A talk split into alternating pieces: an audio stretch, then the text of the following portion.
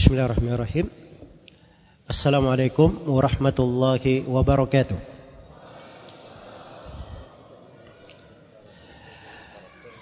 إن الحمد لله نحمده ونستعينه ونستغفره ونعوذ بالله من شرور أنفسنا وسيئات أعمالنا من يهده الله فلا مضل له ومن يضلل فلا هادي له أشهد أن لا إله إلا الله وحده لا شريك له وأشهد أن محمدا عبده ورسوله. يا أيها الذين آمنوا اتقوا الله حق تقاته ولا تموتن إلا وأنتم مسلمون.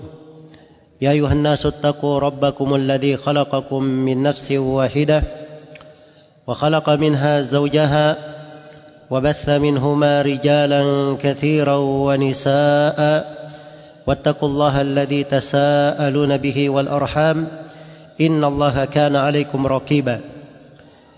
يا أيها الذين آمنوا اتقوا الله وقولوا قولا سديدا يصلح لكم أعمالكم ويغفر لكم ذنوبكم ومن يطع الله ورسوله فقد فاز فوزا عظيما. أما بعد فإن أصدق الحديث كتاب الله وخير الهدي هدي محمد صلى الله عليه وسلم وشر الأمور محدثاتها فإن كل محدثة بدعة وكل بدعة ضلالة وكل ضلالة في النار.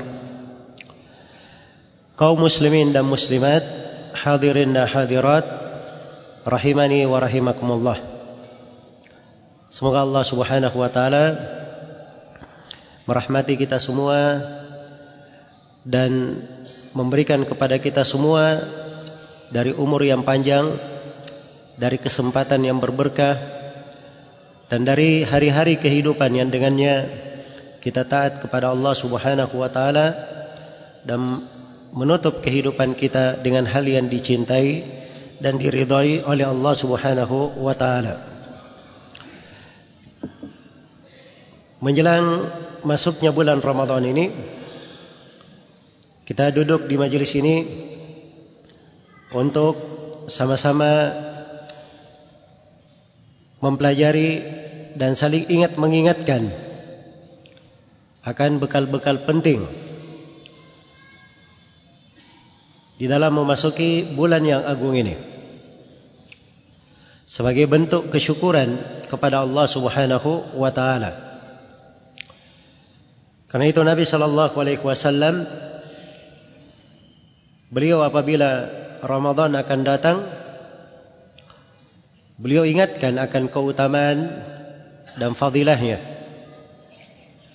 Seperti misalnya di dalam hadis Abu Hurairah yang diriwayatkan oleh Al Imam Al Bukhari dan Imam Muslim, Rasulullah sallallahu alaihi wasallam bersabda, "Idza jaa Ramadan, futtihat abwabul jannah abwabun nar wa suffidatis syayatin."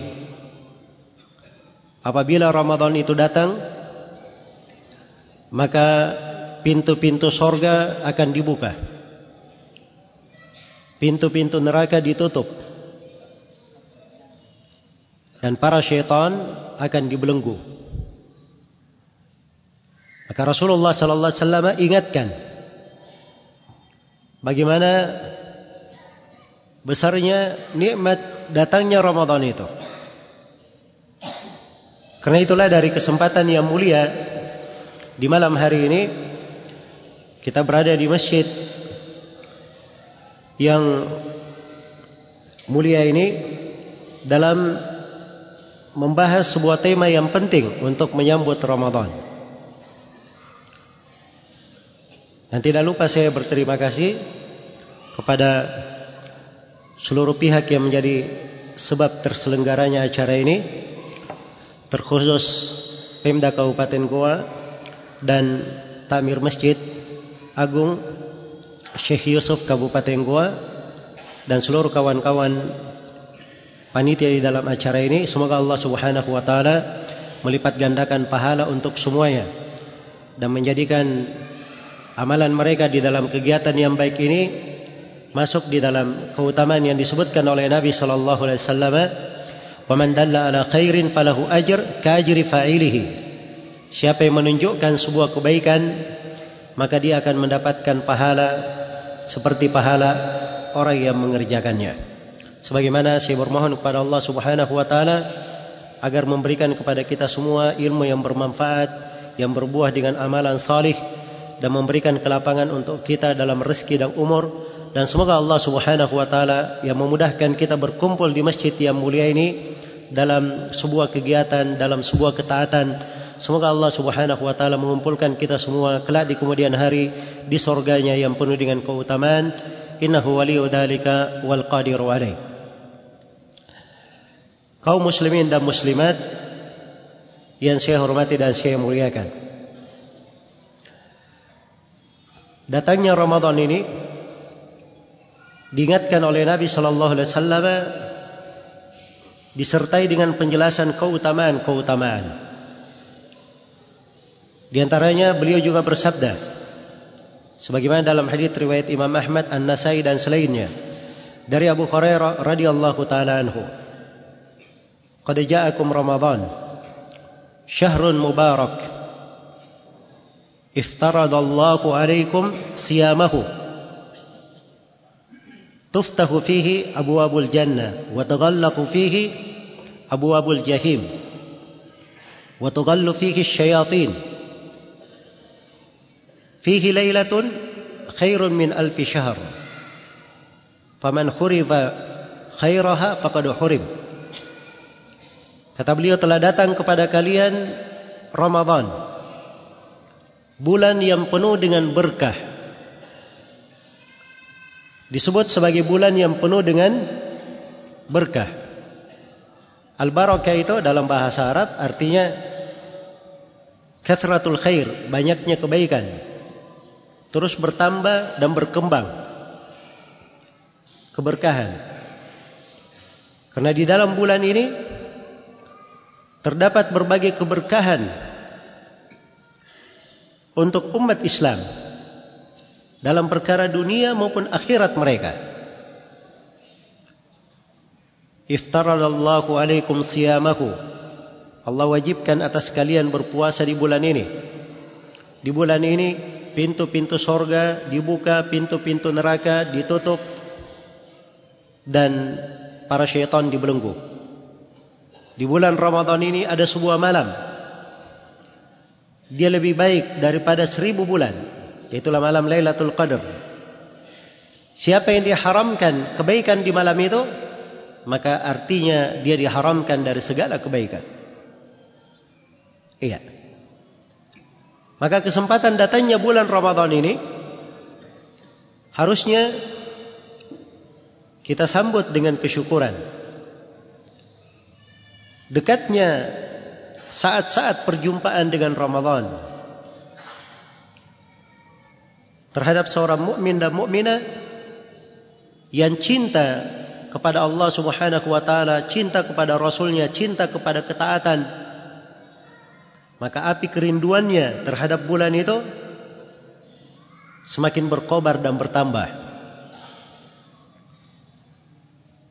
Terlihat langkahnya berjalan di dalam menyambut. Ada persiapan-persiapan di dalam hal tersebut. Apalagi ini adalah sebuah peluang dan kesempatan di dalam umur. Orang yang mendapati bulan Ramadan itu adalah peluang dan kesempatan. Di antara umat Islam ada yang tidak sempat masuk ke bulan Ramadan. Sudah kembali kepada Allah Subhanahu wa taala. Dan di antara mereka ada yang masuk ke bulan Ramadan tapi tidak punya kemampuan beraktivitas di dalamnya karena udur, sakit dan selainnya. Maka itu siapa yang diberi kesempatan oleh Allah memasukinya, maka itu nikmat yang sangat besar. Perhatikan sebuah kisah yang sangat menakjubkan.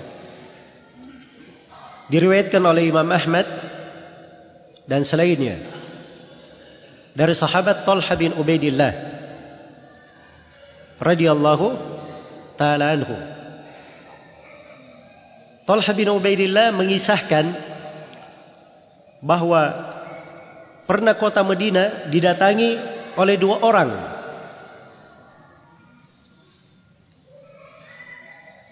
Lalu dua orang ini masuk ke dalam Islam.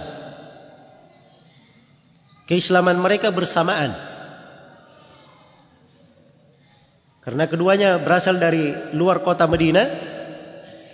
Talha bin Ubaidillah pun menampung dua orang ini di rumahnya. Tinggal di rumah beliau.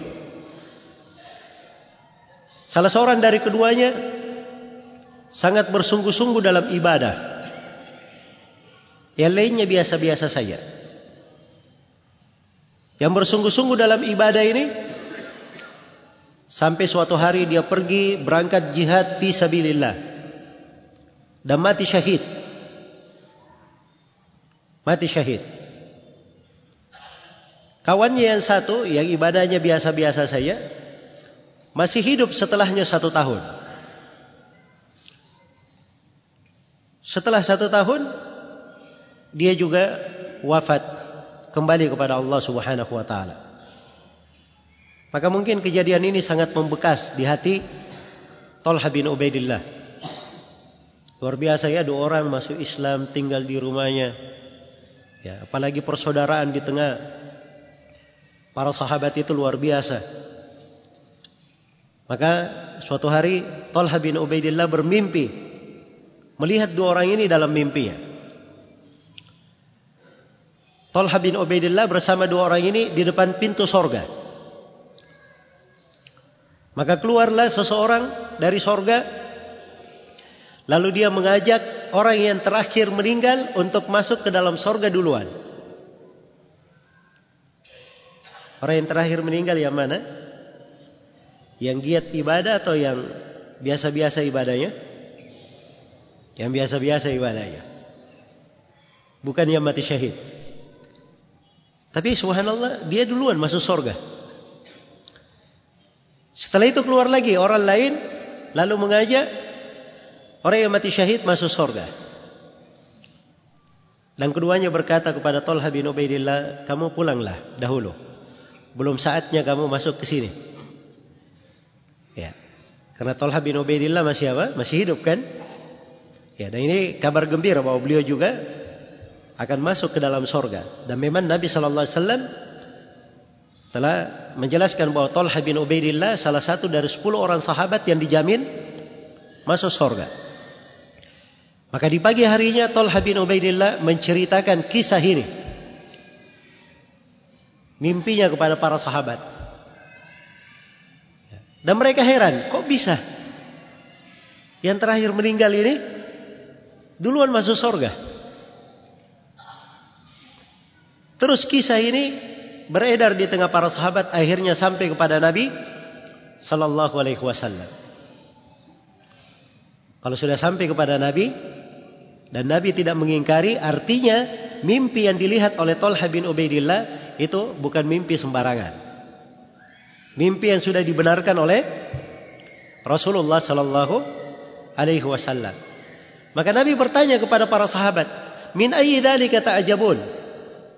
Yang mana yang kalian herankan? Kata para sahabat, "Ya Rasulullah, orang ini mati syahid. Lebih giat beribadah. Kok kawannya yang ibadahnya biasa-biasa saja, matinya juga mati biasa bukan mati syahid, kok dia yang duluan masuk surga? Kata Nabi sallallahu alaihi wasallam, bukankah dia telah hidup setelahnya satu tahun? Kata para sahabat, benar ya Rasulullah. Wa adraka Ramadan dan bukankah selama setahun ini dia mendapati bulan Ramadan? Kata para sahabat, benar ya Rasulullah. Dan bukan ke dalam setahun ini dia sudah sujud sekian dan sekian ribu sujud. Kita hitung aja dalam sehari semalam berapa rakaat? 17 rakaat. Setiap rakaat dua kali ruku, uh, dua kali sujud. Berarti 17 kali berapa? 234. Dikali 365 hari. Ya, itu lebih 6 ribu ya. Maka para sahabat berkata, benar ya Rasulullah. Maka Nabi bersabda, "Walladhi nafsi biyadi." Demi yang jiwaku berada di tangannya. Fama bainahuma ab'ada baina as-sama'i wal ard. Antara keduanya kata Nabi, demi yang jiwaku berada di tangannya, sungguh antara keduanya itu jauhnya seperti langit dan bumi. Jauhnya seperti apa? Langit dan bumi. Karena itu ketika Allah Subhanahu wa taala memberi kesempatan kepada seorang muslim dan muslimah diberi umur oleh Allah Subhanahu wa taala maka itu adalah peluang itu adalah anugerah wajib untuk kita syukuri. Apalagi dia bisa masuk ke dalam bulan Ramadan. Maka di sini ada tujuh bekal yang ingin saya sampaikan. Di pertemuan ringkas di malam hari ini mudah-mudahan tujuh bekal ini bisa menjadi pedoman untuk kita semua di dalam mendulang pahala di bulan Ramadan sebesar-besarnya. Dan saya berharap tujuh bekal ini itu bisa membuat Ramadan kita lebih bermakna, lebih berberkah. Iya. Dan bekal-bekal seorang hamba memasuki bulan Ramadan ilmu pengetahuan tentang hal itu sangatlah penting jangan sampai kita luput berbagai keutamaan dan pahala kita lewati pahala ini setiap hari di depan kita berlalu bersama kita dalam kehidupan kita tapi karena kita tidak tahu ilmunya akhirnya luput berbagai luput dari kita berbagai macam kebaikan dan keutamaan. Iya. Para sahabat itu kalau luput kebaikan subhanallah. Iya. Luar biasa penyesalan mereka. Pernah Ibnu Umar radhiyallahu taala anhu dalam hadis riwayat Bukhari dan Muslim disampaikan kepada beliau bahwa Abu Hurairah meriwayatkan dari Nabi bahawa Nabi bersabda man tabi'a janazatan falahu qirat siapa yang mengikuti jenazah sampai ke kuburan maka dia dapat pahala satu qirat satu qirat itu satu gunung besar paling kecilnya seperti gunung Uhud iya maka begitu mendengarkan hadis ini Abu Hurairah katanya bercerita seperti itu Ibnu Umar kirim orang kepada Aisyah radhiyallahu taala anha mempertanyakan apa benar hadis yang disebutkan oleh Abu Hurairah. Maka Aisyah juga berkata, "Iya, itu benar." Saya juga mendengar Nabi sallallahu alaihi wasallam berucap seperti itu. Maka kata Ibnu Umar radhiyallahu taala anhu, "Laqad farratna fi qararit katsira." Kata beliau, sungguh kita selama ini sudah menelantarkan banyak kirat Karena tidak tahu hadisnya. Akhirnya beliau anggap sudah apa? Menelantarkan banyak kirat. Ya beda dengan kita ya. Kita tahu pun. Tapi subhanallah. Kita memang gemar menelantarkan. Iya. Semoga Allah subhanahu wa ta'ala. Mengampuni dan memaafkan kita. Maka ilmu itu penting. Ketika seorang sampai kepadanya ilmu. Maka dia bisa melihat lahan-lahan ibadah, pintu-pintu ketaatan. Mungkin dia diam-diam saja. Mungkin dia hanya bertafakur. Dia masuk di dalam berbagai bentuk ibadah. Orang-orang tidak mengetahuinya. Orang-orang tidak mengetahuinya. Itu diantara keindahan ilmu agama. Dan saya pada malam hari ini akan menjelaskan sebagian perkara yang terkait dengan hal itu sebagai bekal kita menyambut Ramadan. Bekal yang pertama untuk memasuki bulan Ramadan adalah kita bergembira dengan datangnya Ramadan dan bergembira dengan segala ketaatan yang ada di dalam bulan Ramadan tersebut. Ini bekal yang pertama. Bergembira. Sebagaimana perintah Allah Subhanahu wa taala di dalam Al-Qur'an di surah Yunus Allah berfirman, "Qul bi fadlillahi wa bi rahmatih, fabidzalika falyafrahu huwa khairun mimma yajma'un." Katakanlah wahai Nabi Muhammad, sampaikan kepada mereka dengan keutamaan Allah dan dengan rahmatnya. Hendaknya dengan hal tersebut mereka bergembira. Kegembiraan mereka dengan keutamaan dan rahmat Allah itu lebih baik dari segala dunia yang mereka kumpulkan. Lebih baik daripada segala dunia yang mereka kumpulkan. Fadlullahi wa rahmatih, keutamaan Allah dan rahmatnya. Ada yang menafsirkan keutamaan adalah Islam, rahmat adalah Al-Quran. Ada yang mengartikan keutamaan adalah Al-Quran, rahmat adalah sunnah Nabi Sallallahu Alaihi Wasallam. Ada yang mengartikan bahawa keutamaan adalah Al-Quran, rahmat adalah orang-orang yang merupakan ahli Quran. Dan ada penafsiran-penafsiran yang lainnya.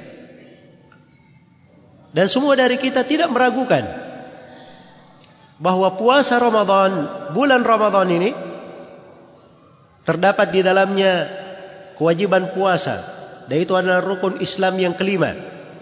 Terdapat di dalamnya keutamaan Al-Quran itu bentuk keibadan kepada Al-Quranul Karim dan terdapat di dalamnya simbol-simbol Islam iya maka siapa yang bergembira dengan datangnya bulan Ramadan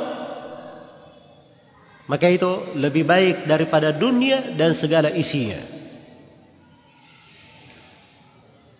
dalam hadis Abu Hurairah riwayat Bukhari dan Muslim Rasulullah sallallahu alaihi wasallam pernah bersabda, "Walis saimi farhatan." Orang yang berpuasa itu punya dua kegembiraan. Farhatun inda fitrihi wa farhatun inda liqa'i rabbih. Kegembiraan ketika dia berbuka dan kegembiraan ketika dia menghadap kepada Allah Subhanahu wa taala berjumpa dengan Allah. Ini bagi siapa yang berpuasa. Diberi dua kegembiraan. Pertama ketika dia berbuka. Berbagai kegembiraan diberikan di situ. Ya. Yang pertama pada saat berbuka itu itu tempat doa mustajabah. Pada saat berbuka itu di situ Allah memiliki hamba-hamba yang dibebaskan dari api neraka. Ya. Inna lillahi utaqa inda kulli fitr. Sesungguhnya Allah memiliki hamba-hamba yang dibebaskan dari api neraka pada setiap buka puasa. Pada setiap buka puasa. Maka berbagai keutamaan dan kebahagiaan selain daripada seorang yang berpuasa tadinya menahan lapar dahaga Kemudian dia masuk bergembira di dalam apa? Berbuka. Karena berbuka itu sendiri itu adalah ketaatan. Jadi kalau ada yang berkata saya puasa saja, buka saya saya undur jam 8, saya dapat pahala. Ingin cari pahala. Jawabannya dia tidak dapat pahala di situ. Kalau ingin dapat pahala berbuka segera. Berbuka segera. Karena menyegerakan berbuka puasa begitu masuk waktu itu adalah sunnah Nabi sallallahu alaihi wasallam dan itulah keutamaan yang besar. Itulah keutamaan yang besar. Iya. Jadi ini yang pertama, bergembira dengan keutamaan dan rahmat Allah. Bergembira dengan datangnya bulan Ramadan. Tidakkah kita bergembira dengan sebuah bulan dia adalah bulan pengampunan. Bulan yang pintu-pintu rahmat, pintu sorga dibuka. Bulan yang pintu-pintu neraka ditutup. Bulan yang mana seorang hamba itu suasana ketaatannya bisa lebih besar. Lebih bersemangat. bulan yang dimudahkan di dalamnya berbagai kebaikan dan keberkahan. Iya. Maka ini dari hal yang hendaknya kita patut bergembira dengannya. Kalau seorang bergembira dengan datangnya bulan Ramadan maka itu akan menyebabkan dia mudah di dalam menyambut bulan Ramadan. Akan lebih membawa berkah untuknya.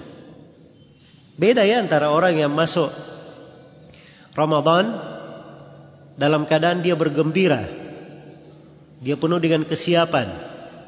Dia sudah tahu Ramadan mau datang. Wah dia sudah gembira sekali. Nih sekarang kita tanggal 18 jadi Ramadan sekitar 11 atau 12 hari lagi. Iya. Tanggal 18 Syaban. Jadi Ramadan sekitar 11 atau 12 hari lagi. Ya.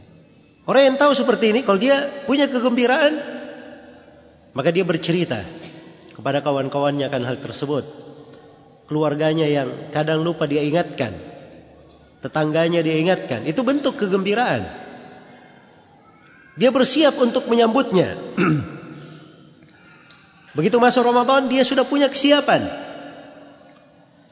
Di hari pertama, matahari terbenam, Ramadan masuk, dia sambut dengan kegembiraan melakukan solat malam, solat tarawih. Di hari pertama berpuasa, dia sambut dengan kegembiraan. Dia berpuasa dengan sukacita. Ini beda dengan orang yang masuk Ramadan. Dia tahu Ramadan kapan masuk, Ketika melihat orang ramai-ramai ke masjid, oh ini Ramadan kah besok ini? Orang ramai ke masjid tarawih. Ya. Dan beda orang yang masuk Ramadan, dia bentuknya masuk Ramadan, pagi harinya, wah ini saya harus puasa ini. Masalahnya semua keluarga dan tetangga puasa, masa saya tidak puasa? Seorang muslim menyambut Ramadan satu bulan penuh penuh dengan kegembiraan. Dan ini beda derajatnya dengan orang yang masuk Ramadan. Wah ini apa boleh buat? Ya satu bulan saya harus lalui. Ya. Ini ujian dan tantangan. Betul ujian dan tantangan. Ya. Tapi derajat itu membedakan. Kegembiraan itu memberi derajat yang tinggi. Karena itu kata para ulama, Orang yang beribadah, anggaplah misalnya orang yang sholat malam dengan penuh sukacita dia menyambutnya bergembira. Dengan orang yang bangun sholat malam dia juga sholat sama, tapi dia lawan kantuknya dia berat bangun, tapi dia lawan. Yang berat itu, yang mana yang lebih besar pahalanya? Kata ulama yang pertama, karena dia menyambutnya dengan apa? dengan penuh keridhaan dan cinta. Ini membedakan derajat. Membedakan derajat. Karena itu semenjak sekarang bagi siapa yang ingin memasuki Ramadan dengan baik dan ingin Ramadannya lebih bermakna, hendaknya dia bergembira dengan bulan Ramadan. Bergembira dengan amalan-amalan yang berada di bulan Ramadan tersebut dan bersiap untuk hal tersebut. Ini bekal yang pertama.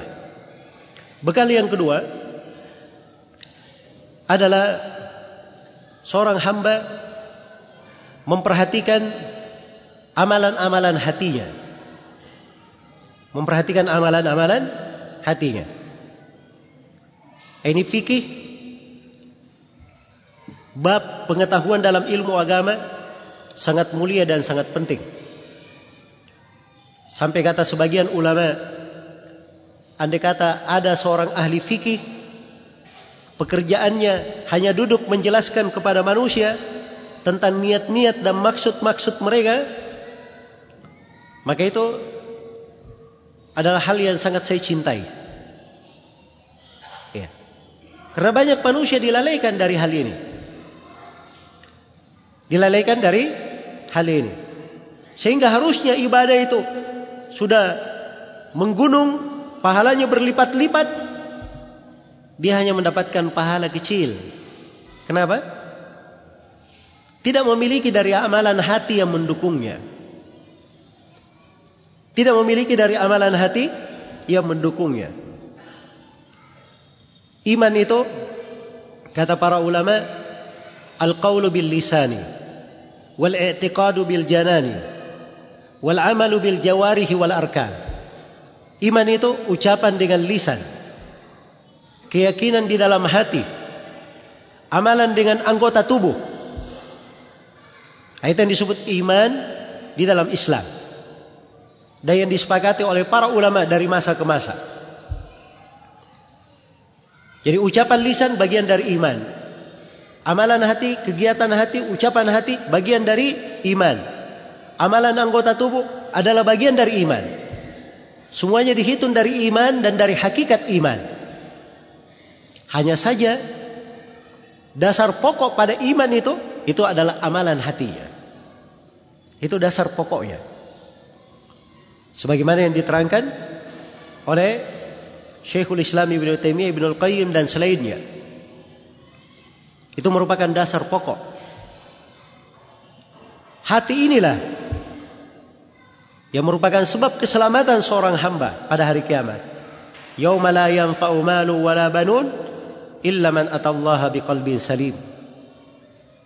Hari kiamat itu hari ketika harta dan anak-anak tidak bermanfaat kecuali siapa yang menghadap kepada Allah Subhanahu wa taala dengan hati yang selamat.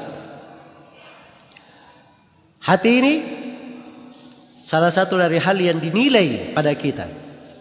Diriwayatkan oleh Imam Muslim dari Abu Hurairah. Rasulullah sallallahu alaihi wasallam bersabda, "Inna Allah la yanzuru ila suwarikum ila ajsadikum, walakin yanzuru ila qulubikum wa amalikum." Sesungguhnya Allah tidak melihat kepada rupa-rupa kalian, dan tidak melihat kepada jasad-jasad kalian. Ya. Jadi tidak usah terlalu banyak model dan penampilan. Karena bukan itu yang dilihat, rupa dan jasad. Yang dilihat oleh Allah adalah apa? Hati-hati kalian dan amalan-amalan kalian. Itu yang dilihat. Maka kondisi hati ini harus diperbaiki. Nah, di sinilah yang menentukan perjenjangan di dalam pahala dan keutamaan. Ini menentukan perjenjangan di dalam pahala dan apa? Keutamaan. Ya, saya beri contoh-contoh mendekatkan pemahaman supaya kita paham bahwa ini kaidah besar. Ini ilmu yang sangat bermanfaat. Ilmu yang sangat bermanfaat. Bekal yang sangat penting di dalam memasuki bulan Ramadan dan dalam segala makna kehidupan. Saya ingin bertanya, Apakah ada dari umat ini yang bisa menyaingi keutamannya para sahabat Rasulullah sallallahu alaihi wasallam? Jawabannya tidak ada. Karena Nabi sallallahu alaihi wasallam telah bersabda, "La tasubbu ashabi. Law anna li ahadikum mithla Uhudin dhahaban fa anfaqahu fi sabilillah, ma balagha mudda ahadihim wala nasifa." Jangan kalian mencela para sahabatku. Andai kata salah seorang di antara kalian memiliki emas sebesar gunung Uhud lalu dia infakkan di jalan Allah maka keutamaannya tidak akan mencapai satu mut para sahabat satu, satu, satu tahu satu mut ya satu mut itu dua telapak tangan ukuran biasa tangan biasa bukan terlalu kecil bukan pula terlalu besar tapi biasa saja itu satu mut kata Nabi tidak akan mencapai ukuran satu mutnya sahabat bahkan tidak mencapai seperdua ya. Iya. Jadi seorang beramal dengan amalan besar seperti itu, tapi dia tidak bisa capai satu mutnya sahabat. Apa yang membedakannya? Sahabat solat, yang lainnya juga solat. Mereka puasa, yang lainnya juga puasa. Amal ketaatan, semuanya berbuat amal ketaatan. Sampai hari ini Alhamdulillah berjalan. Iya. Di antara sahabat kita lihat. Adakah yang mengalahkan kedudukan Abu Bakar As-Siddiq? Hah? Tidak ada yang mengalahkannya. Abu Bakar sahabat yang paling utama di tengah umat ini setelah nabinya. Bahkan Abu Bakar As-Siddiq adalah manusia yang paling utama di antara seluruh sahabat Nabi. Tidak ada lebih utama dari Abu Bakar As-Siddiq. Kata sebagian as-salaf, "Ma sabaqakum Abu Bakrin bi kathrati salatin wala siyamin wala sadaqah, walakin bi syai'in waqara fi qalbihi." Sesungguhnya Abu Bakar itu tidak mengalahkan kalian dengan banyaknya dia solat, tidak mengalahkan kalian dengan banyaknya dia puasa, tidak pula dengan banyaknya dia bersedekah. Tapi Abu Bakar mengalahkan kalian dengan sesuatu yang bercokol di dalam hatinya. Iya. Sesuatu yang bercokol di dalam hatinya. Makanya tampak keagungan kedudukan Abu Bakar di dalam berbagai keadaan. Orang yang paling pertama membenarkan Nabi dan menerimanya sebagai seorang Nabi. Ketika manusia mendustakannya Abu Bakar yang selalu mempercayainya. Iya. Ketika Nabi sallallahu alaihi wasallam kesulitan bahwa bahkan menghadapi sahabatnya sendiri, Abu Bakar yang paling pertama mendukungnya. Itu Abu Bakar Siddiq radhiyallahu taala anhu. Sesuatu yang bercokol di mana? Di dalam hatinya. Padahal kalau dilihat di sebagian amalan, misalnya membaca Al-Quran. Ada sahabat-sahabat diarahkan oleh Nabi. Kalau ingin baca Al-Quran, baca dari empat orang. Tidak disebut Abu Bakar di antaranya. Jelas ya? Dalam kepemimpinan jihad, Khalid bin Walid itu, itu lebih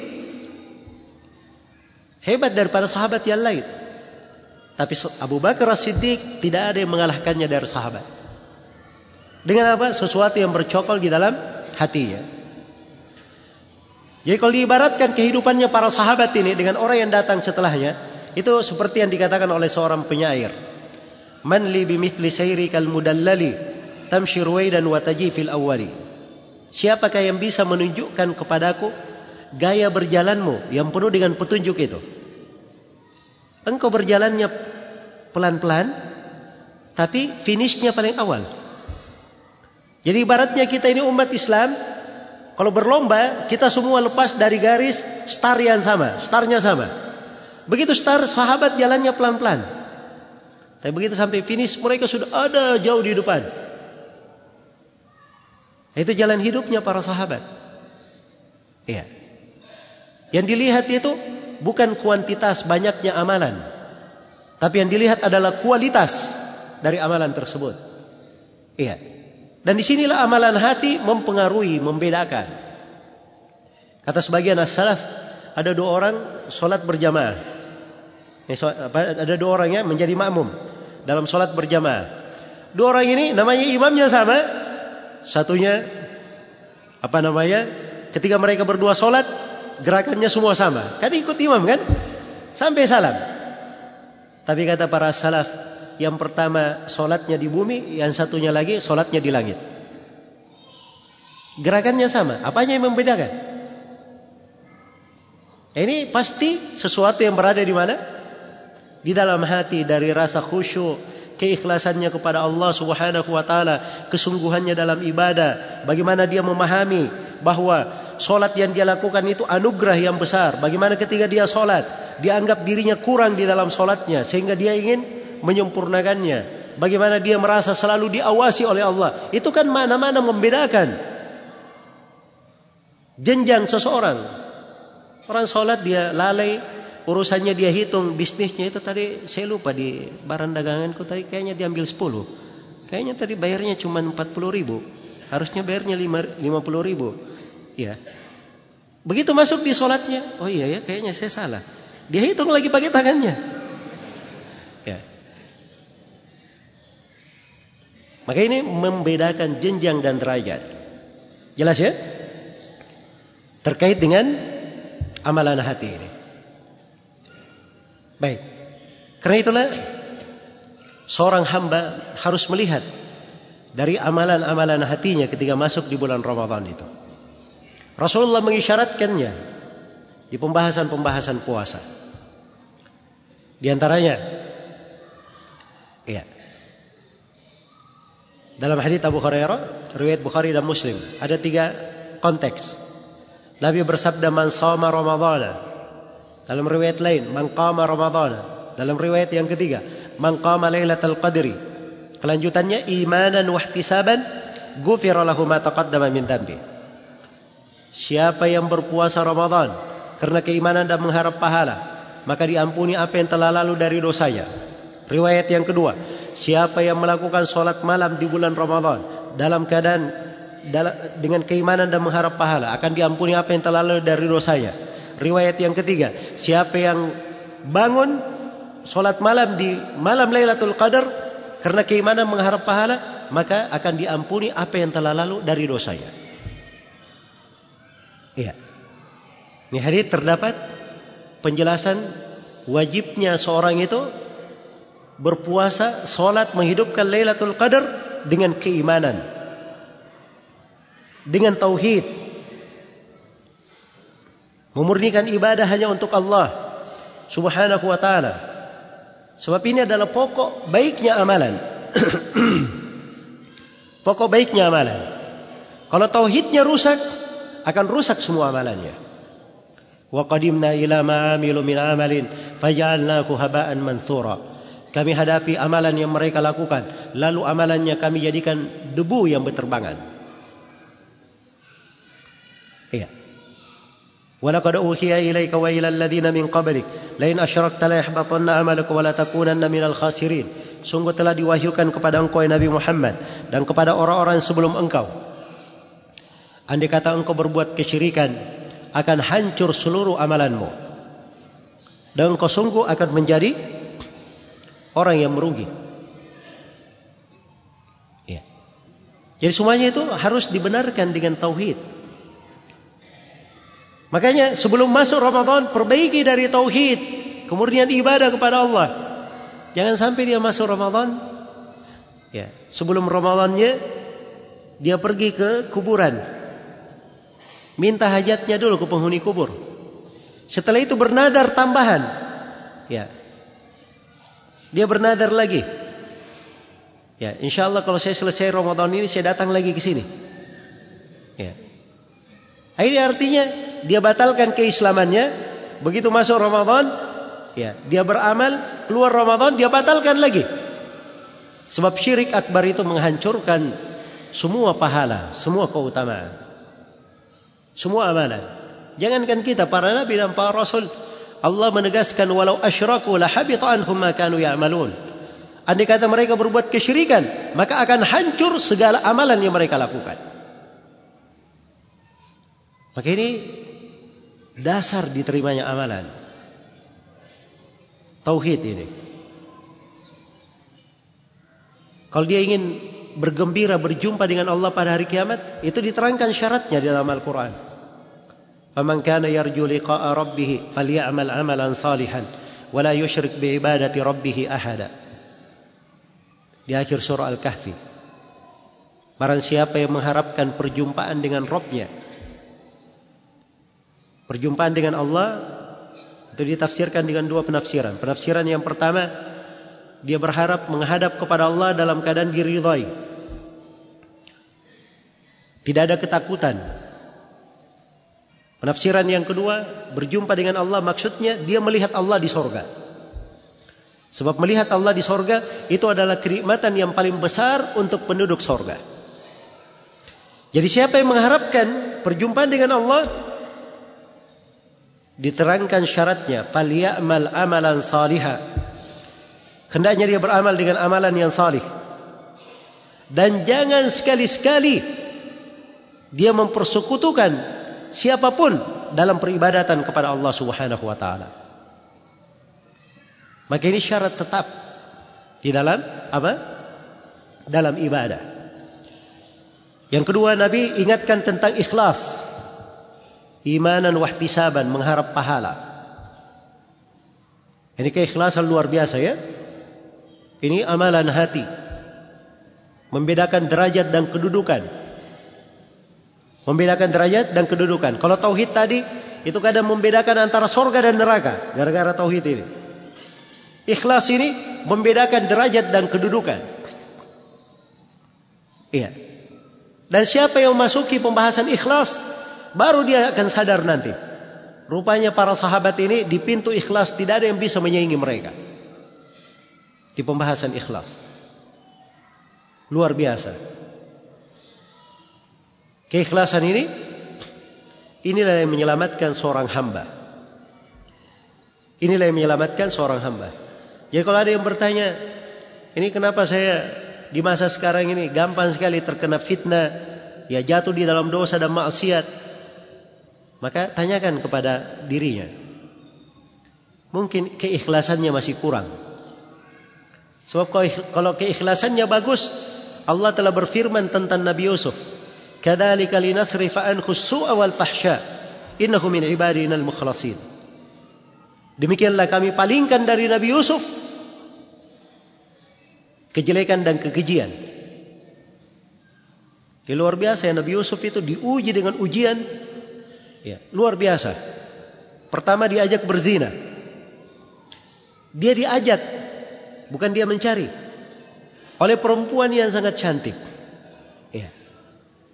Kemudian perempuan ini membiarkan dirinya dengan Nabi Yusuf saja dalam ruangan yang tertutup. Nabi Yusuf alaihi salam di situ bukan penduduk negeri. Kalau dia orang kampung situ mungkin malu. Oh, nanti kalau saya buat seperti ini apa kata keluarga dan sebagainya. Tidak ada keluarga, tidak ada sanak famili. Jadi seruan untuk berbuat dosa dan maksiat itu keras sekali. Kuat sekali. Tapi Allah palingkan kejelekan dan kenistaan dari Nabi Yusuf. Apa sebabnya? Satu aja sebabnya disebutkan dalam ayat. Sungguhnya Nabi Yusuf ini dari hamba-hamba kami yang ikhlas. Keikhlasannya.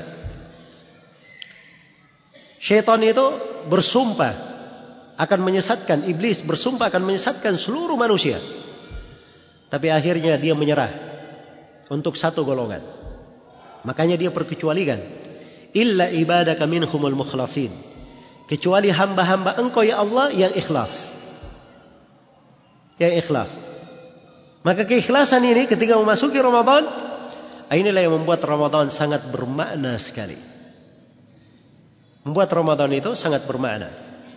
Itu yang menentukan jenjang dan kedudukan. Kata sebagian ulama salaf, "Rubba amalin sagirin tukabbiruhu niyya, wa rubba amalin kabirin tusaggiruhu niyya." Kadang ada sebuah amalan yang kecil menjadi sangat besar karena niatnya.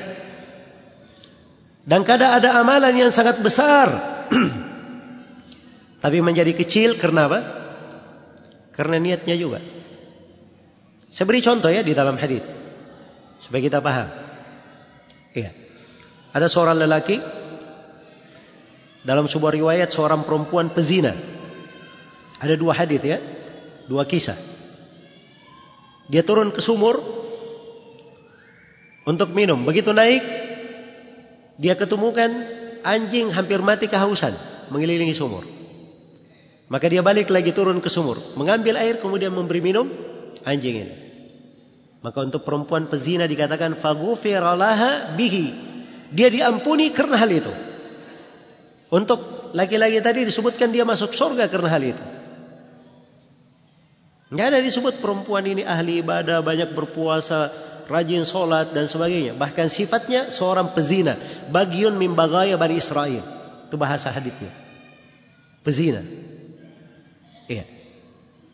Jelas ya? Disebut dengan dosa. Tapi Allah ampuni. Amalannya saya mau tanya, amalannya kecil atau besar ini? Amalannya kecil. Kenapa bisa menjadi besar? Berbuah pengampunan, berbuah masuk surga. Kata para ulama keikhlasan di situ. Sana nggak ada orang. Ketika kejadian itu. Anjing ini bukan makhluk yang berduit. Kalau dilakukan perbuatan baik dia bisa bayar. Jelas ya? Ya begitu dia beri minum. Ini tampak sisi apa? Keikhlasan. Makanya perbuatan baiknya kepada makhluk ini itu berbuah pahala yang berlipat-lipat. Ini pengaruh apa? Keikhlasan. Coba dibayangkan, ini amalan kecil. Bagaimana pula kalau dia buat amalan yang besar? Seperti sholat lima waktu. Puasa Ramadan. Dia keluarkan zakatnya, dia berinfak, dia haji, umrah. Tiap yang repot sekarang ini, ya. Seorang kalau dia pergi ibadah, ya, semuanya orang tahu bahwa dia pergi ibadah. Kalau dia pergi umrah, ya, ada 10 statusnya. Ya. Jadi satu dunia tahu akan hal tersebut. Ini kadang sebagian hal tidak bisa kita katakan, oh ini tidak ikhlas misalnya dan seterusnya. Tidak. Tapi paling tidak di masa hal-hal yang seperti itu, ini pintu-pintu yang menyebabkan keikhlasan itu bisa apa? Terkikis, bahkan bisa hilang. Iya. Karena itu diperhatikan, masuk ke bulan Ramadan ini. Dia perhatikan baik-baik hatinya, dia pelihara dari keikhlasannya. Ini kita baru berbicara dua pintu dari amalan hati, tauhid, keimanan dan ikhlas. Kita belum berbicara pintu-pintu yang lainnya di pembahasan amalan hati. Amalan hati itu kata para ulama itu ada yang mengatakan lebih dari 100 amalan hati. Ada yang mengatakan lebih dari 500. Ada yang mengatakan sekitar 1000 amalan hati itu. Sekitar 1000. Iya. Dari amalan hati tersebut. Dan perhatikan ya, surah Al-Fatihah itu surah yang paling agung dalam Al-Quran. Surah yang paling agung di dalam Al-Quran. Dan seluruh kandungan surah Al-Fatihah itu kembali kepada ayat iyyaka na'budu wa iyyaka nasta'in. Iya. Di jenjang antara iyyaka na'budu dan iyyaka nasta'in, kepadamu lah ya Allah kami beribadah dan kepadamu lah kami mohon pertolongan. Ini masuk di dalamnya berbagai macam amalan hati. Dari keikhlasan, as-sidq, ada namanya as-sidq, kejujuran. As-sidq ini As-sidik ini bahasa Indonesia aja rumit ya membahasakan as-sidik. As-sidik ini kalau dia di lisan itu namanya jujur. Kalau dia di hati namanya ketulusan. Kalau dia di badan namanya kesungguhan. Semuanya dalam bahasa Arab disebut sidik. Iya. Dan itu sifatnya Abu Bakar As-Siddiq. Sifatnya para sahabat secara umum. Minal mu'minina rijalun sadaku ma'ahadullah alaih. Di antara kaum mukminin ada sekelompok lelaki, maksudnya para sahabat. Mereka sidik kepada Allah dalam janji yang mereka ambil. Ya. Ini dari amalan hati hebat as-sidiq ini. Dari iya karena budu wa iya karena stain terdapat tawakal. Bergantungnya hati hanya kepada Allah. Merasa tenang bersama Robnya. Iya. Dia punya uns ketenangan bersama Allah Subhanahu wa taala. Ya. Beda ya dengan banyak dari kita. Dia nanti tenang kapan? Kalau di warung kopi sama teman-temannya. Ya. Dia tenang kapan? Kalau dia lagi tukar status atau kasih komentar di, di media sosial. Ya. Ini al-uns billah namanya. Dan itu jenjang-jenjang penghambaan jenjang-jenjang amalan hati itu dibahas oleh para ulama mendetail. Buku-buku ditulis. Tapi banyak orang tidak paham tentang hal tersebut. Biasanya masuk Ramadan baca tentang fikih puasa dan seterusnya, tidak menyinggung hal-hal ini. Iya. Tidak menyinggung masalah-masalah besar seperti ini. Padahal di sini subhanallah bisa menyebabkan seseorang itu berjenjang dan bertingkat dari pahala dan kebaikannya. Ya, yang jelas waktu membatasi kita ya untuk menjelaskan semuanya. Saya di sini ingin memberikan isyarat akan bekal penting. Perhatian akan amalan-amalan hati. Sebab dia adalah salah satu simbol yang dengannya pahala itu dilipat gandakan. Ya, karena kita sudah berbicara tentang pahala dilipat gandakan, di sini saya ingin memberikan satu kaidah Kapan amalan itu dilipat gandakan? Iya, dengarkan baik-baik. Amalan itu dilipat gandakan kembali kepada salah satu dari lima sebab. Amalan dilipat gandakan kembali kepada salah satu dari apa? Lima sebab. Sebab yang pertama kembali kepada pelaku amalan itu sendiri. Ini urgensi amalan hati di sini. Ini yang membuat pelakunya berjenjang. Satu. Yang kedua, Pahala itu dilipat gandakan kadang kembali kepada amalan itu sendiri. Kembali kepada amalan itu sendiri. Kapan sebuah amalan itu manfaat dan kebaikannya lebih luas dan merata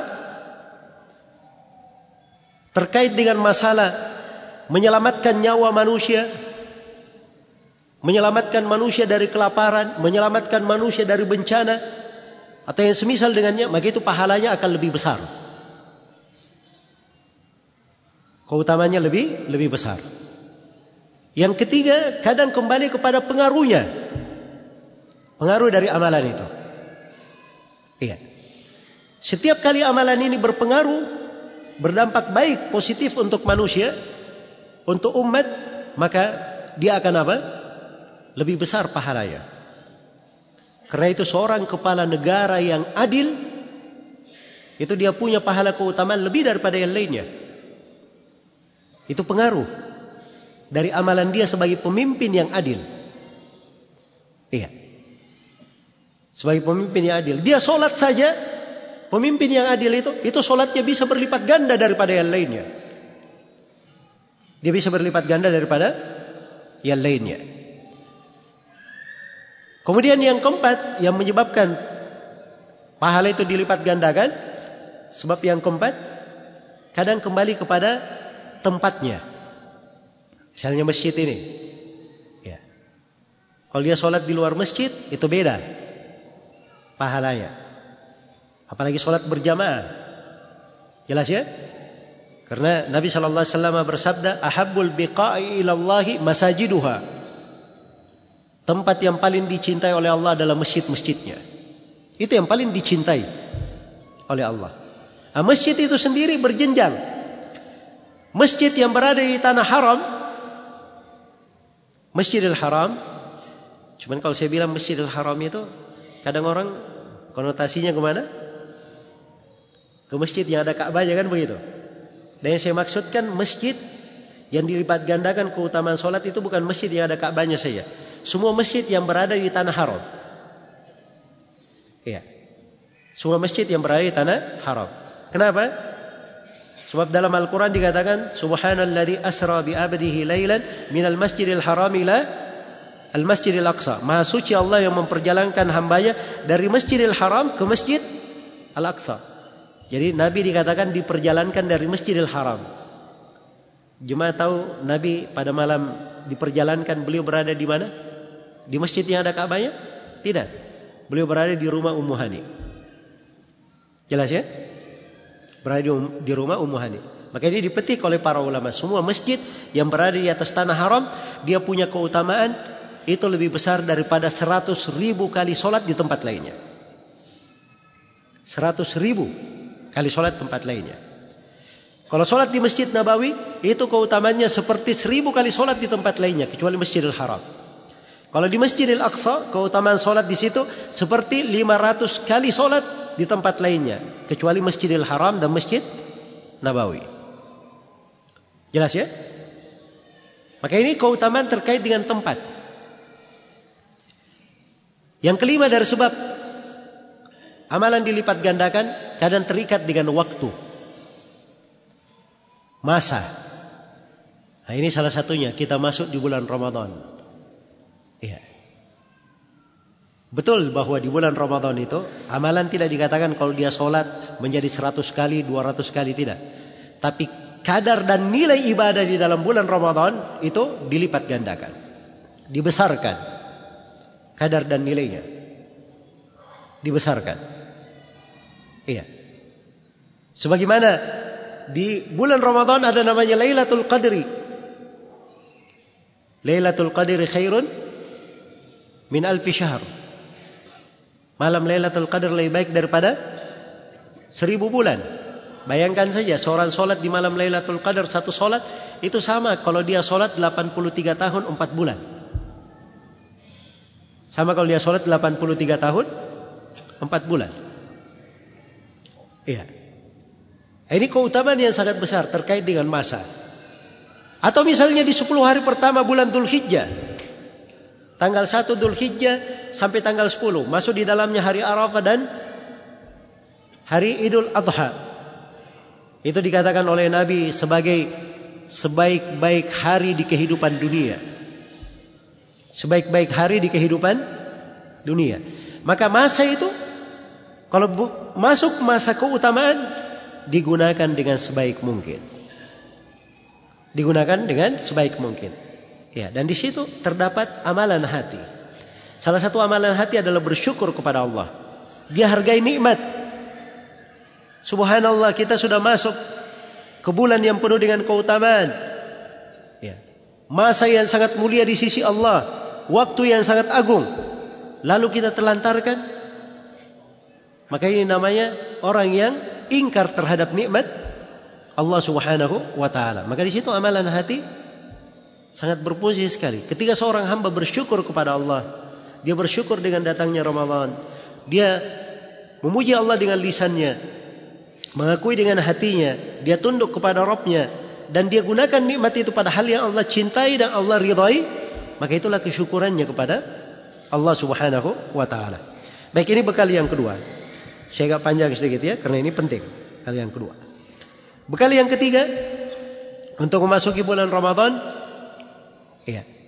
Hendaknya bulan Ramadan itu kita sambut dengan taubat dan istighfar. Dan disambut dengan mengingat dan mengambil pelajaran dari hari-hari kehidupan ini. Subhanallah hidup ini berputar dengan sangat cepatnya. Bergulir, tidak ada yang bisa menghentikannya. Akan datang nanti masanya ajal itu akan berakhir. Kullu nafsin wa likulli ummatin ajal. Setiap setiap umat ada ajalnya. Idza jaa ajaluhum la yasta'khiruna anhu sa'atan wa la yastaqdimun. Ketika ajalnya sudah datang tidak bisa dia akhirkan, tidak bisa dia kedepankan, tidak bisa pula diakhirkan walaupun sesaat. Yang namanya kematian pasti akan menjemput, digariskan, akan datang ketentuan itu menjemput kita. Kullu nafsin da'iqatul maut, thumma ilaina turja'un. Setiap jiwa akan merasakan kematian, kemudian kalian semua akan dikembalikan kepada kami. Hari-hari kehidupan ini banyak pelajaran. Yuqallibul laila wan nahar, inna fi dzalika la'ibratan liulil absar. Allah membolak-balikkan siang dan malam. Di dalam hal tersebut terdapat pelajaran bagi orang-orang yang memiliki hati. Iya. Terdapat pelajaran bagi orang-orang yang memiliki hati. Wa huwa alladhi ja'ala al-laila wan nahara khilfatan liman arada an yadhakkara aw arada syukura. Dialah Allah yang menjadikan siang dan malam bersilih ganti bagi siapa yang ingin mengingat dan bagi siapa yang ingin bersyukur. Maka kita perlu mengingat hari-hari kehidupan ini, mengambil pelajaran. Begitu masuk Ramadan, Subhanallah hari-hari Ramadan berjalan dengan cepatnya. Berjalan dengan cepatnya. Ya. Dan kadang tidak terasa sudah masuk, sudah keluar Ramadan. Kita sudah memasuki Idul Fitri. Itulah hari-hari kehidupan. Berjalan sedemikian rupa. Dengan cepat. Maka kalau kita tidak menyambutnya dengan segera. Tidak menyambutnya dengan keseriusan.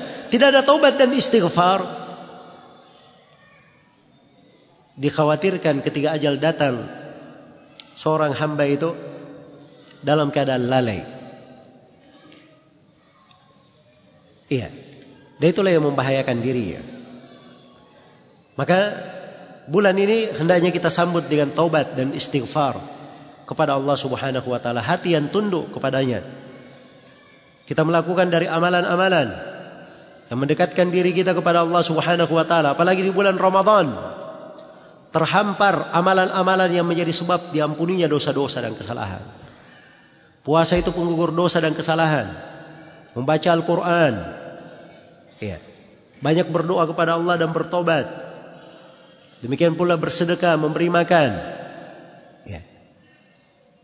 Itu dari sebab-sebab yang menggugurkan dosa dan kesalahan seorang hamba. Selain daripada itu, biasa kita lewati dalam kehidupan. Dia berudu, menjawab adan, dia sholat lima waktu dan seterusnya. Ya. Banyak sekali dari penggugur dosa dan kesalahan kita lewati. Makanya bulan ini harus kita sambut dengan tobat dan istighfar kepada Allah Subhanahu wa taala. Tobat dengan sebenar-benar tobat. Tobat yang nasuh dengan sebenar-benar tobat. Tobat yang benar itu, yang sebenar-benar tobat itu apabila memenuhi lima syarat. Syarat yang pertama dia ikhlas dalam tobatnya. Syarat yang kedua dia tinggalkan perbuatan dosanya. Syarat yang ketiga dia sesali perbuatan dosa itu. Karena ada orang yang meninggalkan dosa bukan karena dia sesali. Kadang duitnya sudah habis. Ya. Kadang dia apa namanya dijauhkan dari dosa itu. Taubat itu harus dia sesali. An-nadamu at-taubah. Kata Nabi penyesalan adalah taubat. Yang keempat, dia harus berniat sungguh-sungguh tidak akan mengulangi dosa itu lagi. Iya. Dan yang kelima dia bertobat sepanjang masih ada waktu. Selama nyawa belum sampai ke tenggorokan dan selama matahari belum terbit dari arah barat. Ini apabila dosa yang dia lakukan antara dia dengan Allah. Itu lima syarat. Tapi kalau dosa yang dia kerjakan antara dia dengan makhluk, maka ditambah syarat yang keenam. Dia harus minta maaf, minta penghalalan atau mengembalikan hak makhluk yang dia ambil. Iya. Maka seorang hamba yang malu kepada Rabbnya tahu akan kadar nikmat. Dia itu malu masuk ke bulan Ramadan dalam keadaan dirinya itu tidak bertobat kepada Allah. Iya. Dia masuk ke bulan tersebut di kondisi yang paling baiknya. Di kondisi yang paling siapnya. Sehingga Ramadan itu betul-betul dia manfaatkan dengan sebaik mungkin. Inilah yang membedakan membuat Ramadan seorang hamba lebih bermakna. Beda ya dengan orang yang masuk Ramadan dia cuma biasa-biasa saja. Ya kita masuk sajalah. Ya Alhamdulillah banyak kebaikan pintu rahmat berkah. Ya. Terlalu luas harapannya. Harapan bagus tapi terlalu luas itu nggak bagus. Harus seimbang antara harapan dengan apa? Rasa takutnya. Makanya ada pintu tobat di situ. Iya yang hendaknya dia perbaiki. Baik ini bekal yang ketiga ya, tobat, istighfar dan banyak mengambil perhitungan dengan hari-hari kehidupan yang berjalan. Kemudian bekal yang keempat agar Ramadan lebih bermakna adalah seorang hamba itu di setiap amalannya di bulan Ramadan dia jaga amalan itu sesuai dengan Islam dan sesuai dengan sunnah Rasulullah sallallahu alaihi wasallam sesuai dengan Islam dan Sunnah. Dia pelihara. Jangan seperti prinsip manusia. Oh yang penting kita beramal. Yang penting berbuat baik. Ya ukuran baiknya dari mana? Ukuran dia sendiri. Ukuran dia sendiri. Agama ini bukan warisan nenek moyang dia. Agama ini bukan kebiasaan dan adat istiadat. Agama ini bukan hemat saya begini, inisiatif saya begini. Agama ini wahyu. Datang dari Allah Subhanahu wa taala. Diturunkan melalui perantara nabi kita Nabi Muhammad sallallahu alaihi wasallam. Karena itu Allah menegaskan wa ma umiru illa liya'budullaha mukhlishina lahud-din hunafa. Tidaklah mereka diperintah. Tidaklah mereka diperintah menunjukkan bahawa agama itu dibangun di atas perintah, harus ada perintah dari nabi.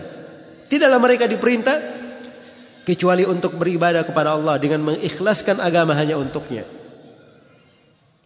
Sebagai orang-orang yang hanif. Sebagai orang-orang yang hanif, orang-orang yang bertauhid. Dia tinggalkan segala kesyirikan dan dia berpaling dari yang selain Allah Subhanahu wa taala. Iya. Jadi amalan itu harus dibangun di atas Islam dan sunnah.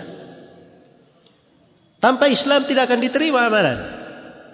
Wa may yabtaghi ghairal Islam dinan fala yuqbal min wa huwa fil akhirati minal khasirin. Barang siapa yang mencari Islam sebagai agama, barang siapa yang mencari selain Islam sebagai agama, tidak akan diterima darinya.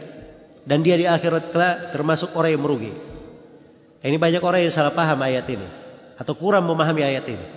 Dia sangka makna ayat Barang siapa yang mencari agama Yahudi, agama Nasara sebagai agama tidak diterima darinya. Dia sangka mana ayat cuma itu. Betul itu salah satu makna ayat, betul. Tapi kurang di dalam memahaminya. Ya. Sebab Islam itu luas. Islam kadang diartikan agama selain Yahudi, selain Nasara, selain Majusi dan seterusnya. Agama Islam yang dibawa oleh Nabi Muhammad. Islam bisa diartikan tuntunan Nabi Muhammad sallallahu alaihi wasallam. Jadi siapa yang membawa beramal dengan tuntunan tidak di atas tuntunan Nabi, maka itu namanya tidak di atas Islam. Dan segala sesuatu harus di atas sunnah Nabi sallallahu alaihi wasallam. Harus di atas petunjuk Nabi. Ya. Islam dan sunnah itu kadang maknanya sama. Kadang maknanya apa? Sama. Dan kadang saling melengkapi. Kadang saling melengkapi. Rasulullah sallallahu alaihi wasallam bersabda, "Man 'amila 'amalan laysa 'alaihi amruna fahuwa raddun." Hadits Aisyah riwayat Muslim. Siapa yang beramal dengan sebuah amalan tidak dibangun di atas tuntunan kami, maka amalan tersebut adalah amalan yang tertolak. Tidak diterima. Jangan ada yang mengira bahawa banyaknya amalannya itu cukup. Itu standar dan ukuran. Itu keliru dalam memahami. Keliru dia dalam memahami. Ada tiga orang pernah datang ke rumah Nabi. Mereka melihat ibadah Nabi sangat banyak sekali. Akhirnya mereka ini merasa amalannya sedikit. Maka orang yang pertama berkata, saya akan puasa setiap hari tidak akan buka selama-lamanya. Yang kedua berkata, saya akan sholat satu malam suntuk, tidak akan tidur selama-lamanya. Maksudnya di malam hari dia tidak akan tidur, akan ibadah. Tidurnya dibuat di siang hari. Yang ketiga, adapun saya, saya tidak akan menikah dengan perempuan. Maksudnya dia tidak mau ganggu, diganggu dengan pernikahan, mau ibadah saja. Maka begitu mendengarkan ucapan tiga orang ini, Nabi sallallahu alaihi wasallam marah. Beliau naik ke atas mimbar dan beliau berkata, "Faman ragiba an sunnati falaysa minni." Siapa yang tidak senang dengan sunnahku, dia bukan dari saya.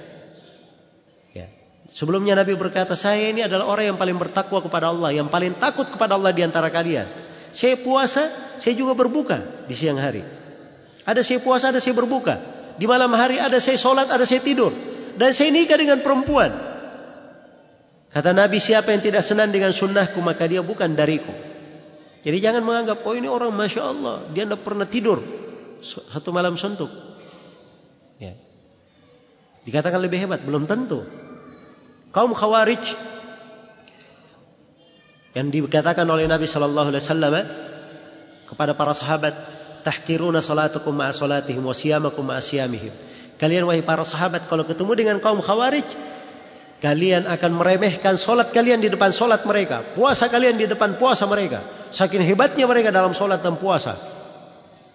Tapi bersama dengan itu, apa kata Nabi tentang kaum khawarij? Yakhrujuna minad din, yamrukuna minad din, kama yamruku sahmu minar ramiyah. Mereka ini keluar dari agama. Seperti busur menembus sasarannya. Karena itu, sekali lagi, saya ingatkan. Yang dipandang di dalam Islam itu bukan kuantitas banyaknya amalan. Yang dipandang adalah kualitas. Karena itu dalam Al-Quran dikatakan, liyabluwakum ayyukum ahsanu amala. Untuk menguji kalian, siapa di antara kalian yang paling baik amalannya. Perhatikan bahasa ayatnya, siapa di antara kalian yang paling baik amalannya. Bukan dikatakan yang paling banyak. Ya. Tapi yang paling baik apa itu yang paling baik? Kata Al-Fudail bin Iyad rahimahullahu taala, akhlasuhu wa aswabuh. Yang paling ikhlas dan paling benarnya. Apa itu paling ikhlasnya? Yang dilakukan karena Allah. Apa itu yang paling benarnya? Kalau dilakukan sesuai dengan sunnah Rasulullah sallallahu alaihi wasallam. Maka siapa yang ingin Ramadannya bermakna dia bangun amaliannya di bulan Ramadan dengan hal yang mencocoki sunnah. Jangan dia masuk dalam pelanggaran. Ya. Belum lagi masuk Ramadan dia sudah ribut-ribut dengan pemerintah. Pergi menentukan masuknya Ramadan dengan pasang surutnya air laut. Ya. Ini dari mana pula dia dapat cerita? Semenjak umat Islam ini ada 14 abad, ada sekelompok manusia baru lahir belakangan tiba-tiba menentukan apa? Masuk keluarnya Ramadan dengan apa? Pasang surutnya air laut. Ini tiap tahun kita dapat masalah. Ya. Nah ini adalah hal yang tidak baik. Jelas ya? Siapa yang ingin masuk ke dalam Ramadan dengan baik, dia bangun amalannya di atas Islam dan Sunnah. Ya. Penentuan masuk dan keluarnya Ramadan itu bukan ijtihad orang per orang. Bukan ijtihad ormas atau kelompok tertentu. Itu disebutkan di dalam buku-buku fikih dan dinukil oleh sejumlah ulama kesepakatan bahawa penentuan masuk dan keluarnya Ramadan itu wewenang pemerintah. Sekali lagi saya bahasakan apa? Wewenang pemerintah. Ya. Kalau ada yang berkata bahawa pemerintah tidak ada urusan di dalam menentukan masuk dan keluarnya Ramadan, itu keliru, tidak paham tentang syariat. Itu ada di dalam buku-buku fikih. Dinukil kesepakatan oleh Ibnu Hajar, Ibnu Abdul Bar dan selainnya. Ya. Maka harus dibangun di atas Islam dan Sunnah. Dan itulah yang menjaga kedamaian, kebersamaan, keutuhan. Bagaimana seorang mau puasa dengan tenang kalau kerjanya ribut-ribut? Iya. Pemasukan penentuan masuknya Ramadan ribut dan kadang hari raya juga ribut. Iya. Jelas ya? Maka ini semuanya dari sebab-sebab terjadinya perpecahan. Kenapa? Karena keluar dari tuntunan Islam dan Sunnah. Kalau kita masuk dalam tuntunan Islam dan Sunnah, tuntunan itu jelas. Syariat itu jelas. Syariat itu jelas. Baik. Jadi ini saya isyaratkan ya beberapa permasalahan yang sering terjadi ya dan mudah-mudahan di tahun ini tidak lagi hal-hal yang seperti itu. Semoga Allah memberi hidayah kepada semuanya. Baik. Sekarang yang kelima. Bekal yang kelima untuk masuki bulan Ramadan adalah kita jadikan bulan Ramadan itu sebagai pendidikan akhlak kita. Membangun akhlak yang baik. Iya. Ini akhlak subhanallah pintu ibadah yang sangat besar. Akhlak itu sebagiannya sebagiannya terkait dengan akidah, keyakinan. Sebagiannya terkait dengan amalan. Sebagiannya terkait dengan ucapan. Ada sebagian orang yang kadang berkata, oh tidak usah, akhlak itu tidak terlalu penting. Yang penting kamu itu di atas Al-Quran dan Sunnah, walaupun akhlaknya jelek nggak apa-apa. Ya. Ini keliru ya, dia tidak paham akhlak itu bagian dari manhaj. Bagian dari manhaj. Metode seorang dalam berislam.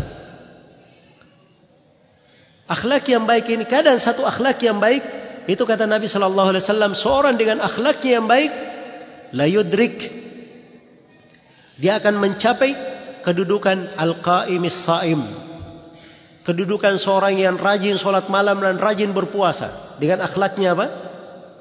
Yang baik. Tapi subhanallah kita ini memang banyak dari warna-warna pemikiran kita yang perlu diluruskan.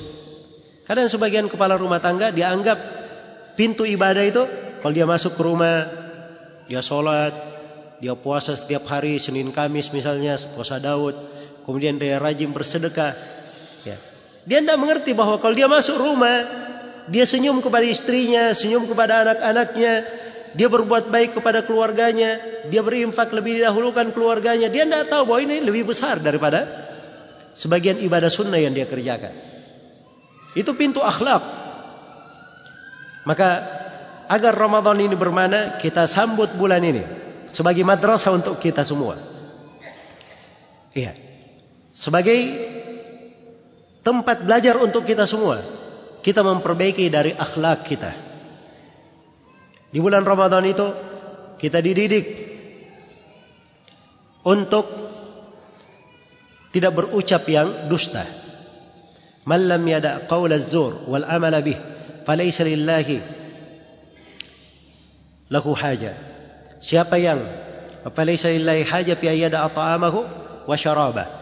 Siapa yang tidak meninggalkan ucapan palsu. Ucapan palsu masuk di dalamnya juga dosa dan maksiat dan tidak beramal dengan dan tidak meninggalkan beramal dengan kepalsuan, beramal dengan dosa maka Allah tidak perlu dia meninggalkan makan dan syahwatnya. Allah tidak perlu kepada puasanya. Ini pendidikan kita memperbaiki akhlak supaya seorang itu ya dia puasa bukan sekedar menahan da, menahan lapar dan menanggung dahaga. Tapi dia puasa, dia bentuk akhlak yang mulia. Berbagai akhlak yang mulia bisa dimunculkan pada saat puasa. Ya, dan ini pembahasan panjangnya kalau kita bahas tentang hal tersebut. Ya.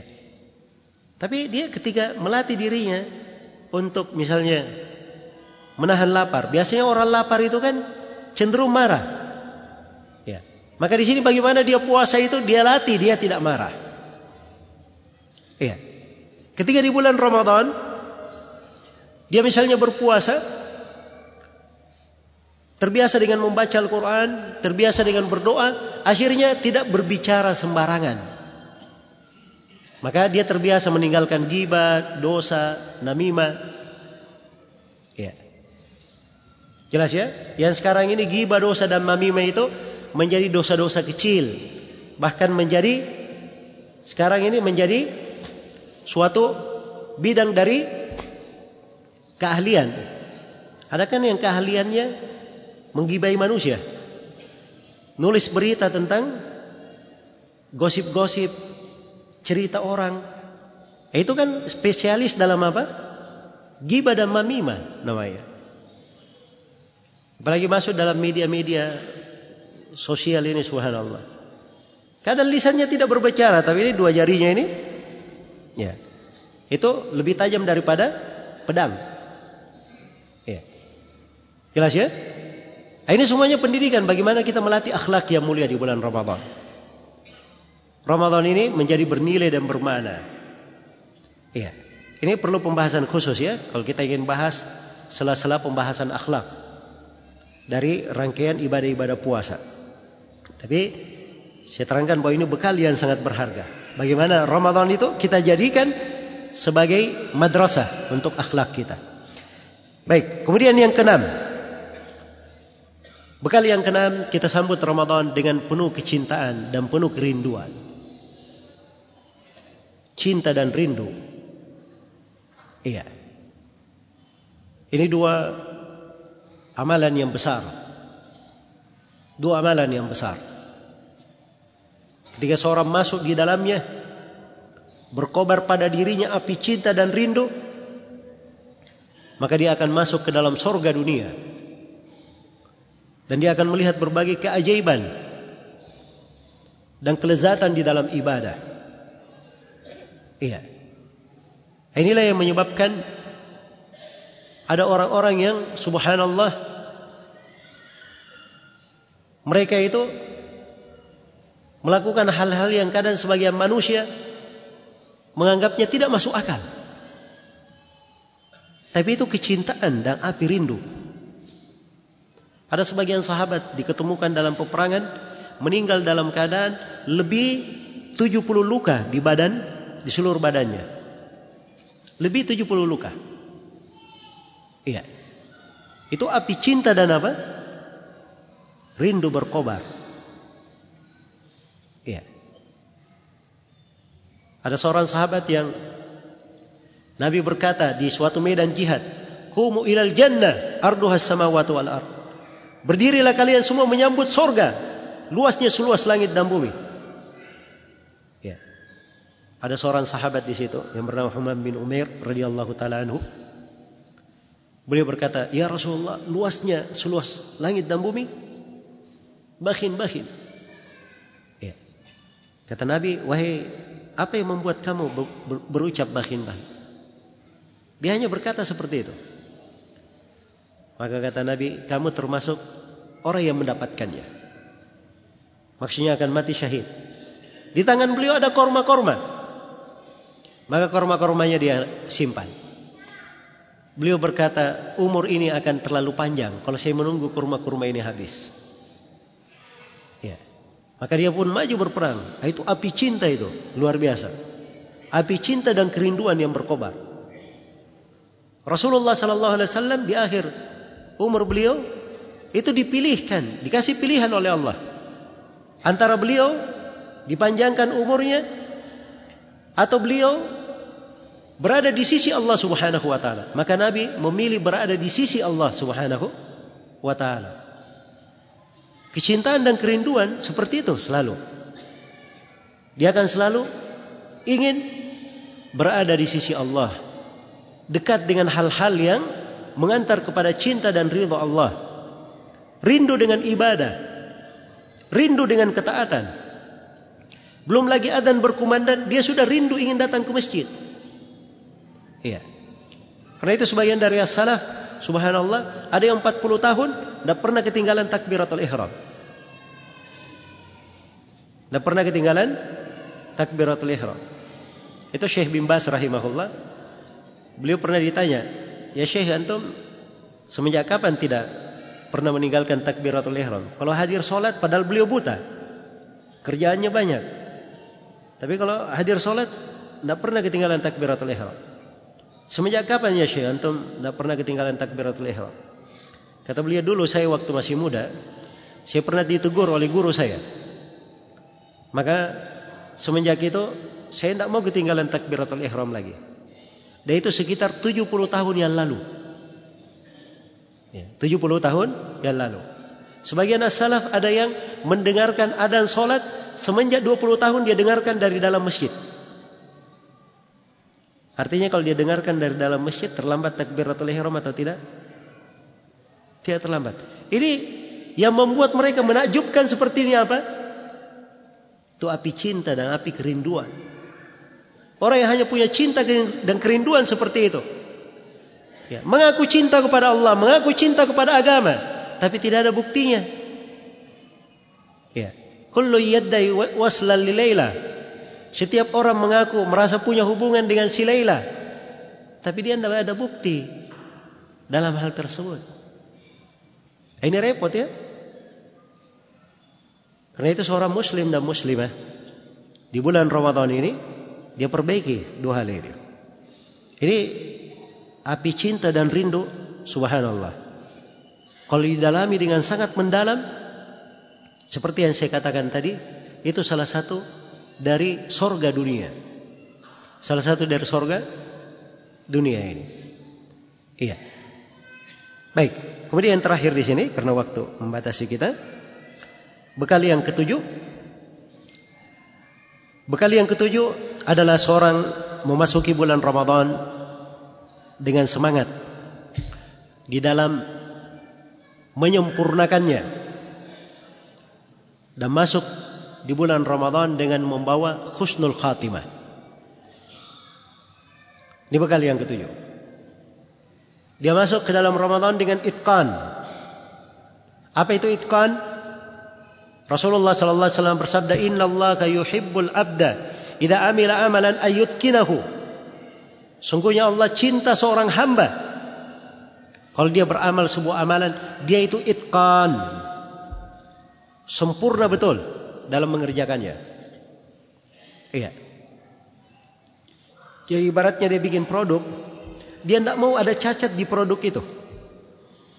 Orang buka produknya dengan dia lacak dengan detail, kelihatan semuanya lengkap. Itu itqan namanya. Dan Allah cinta orang-orang yang seperti itu. Kalau dia bekerja. Dia beramal. Makanya ini akhlak kita masuk Ramadan. Kita berusaha untuk lengkap. Itqan. Kita masuk itu.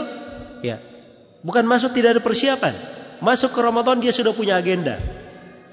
Dia buat catatan-catatan. Ya. Ini saya baca Al-Quran hari ini tadi setiap selesai dia baca Al-Quran dia tulis catatan. Saya sudah sampai ke ayat sekian atau dia beri tanda di mushafnya. Selama Ramadan, agenda saya saya mau buat ini ini ini. Dia tulis semuanya. Kemudian dia pikirkan bagaimana cara dia target agenda-agendanya di bulan Ramadan. Kalau masuk begitu saja, ini namanya orang yang terbuai di tengah keutamaan. Dan ada juga orang-orang yang di tengah keutamaan dia tidak dapat apa-apa. Bukankah di musim hujan itu ada orang yang kemarau? Banyak ya? Ya. Dan ini yang masalah kemarau di musim hujan. Jangan sampai seperti itu. Seorang muslim dan muslimah masuk di bulan Ramadan.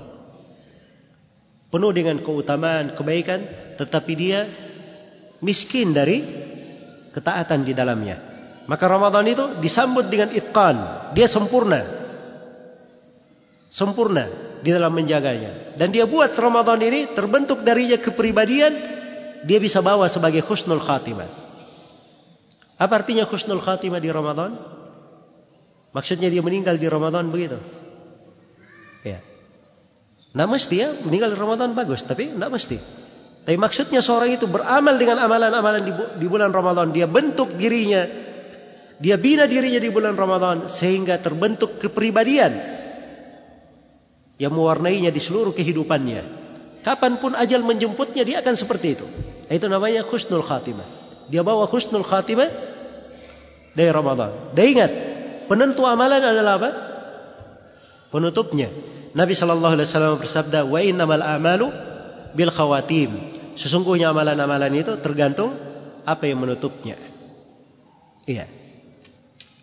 Maka ini tujuh bekal yang ingin saya ingatkan di pertemuan yang ringkas ini.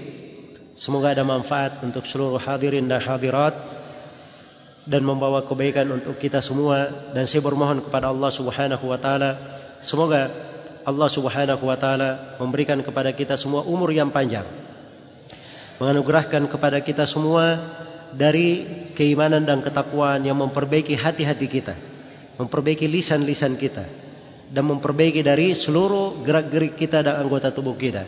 Dan semoga Allah Subhanahu wa taala mengampuni segala dosa dan kesalahan, menjadikan kita semua sebagai orang-orang yang dibebaskan dari api neraka dan dipastikan masuk ke dalam surganya. Innahu waliyyu dzalika wal qadiru alaihi wallahu taala alam.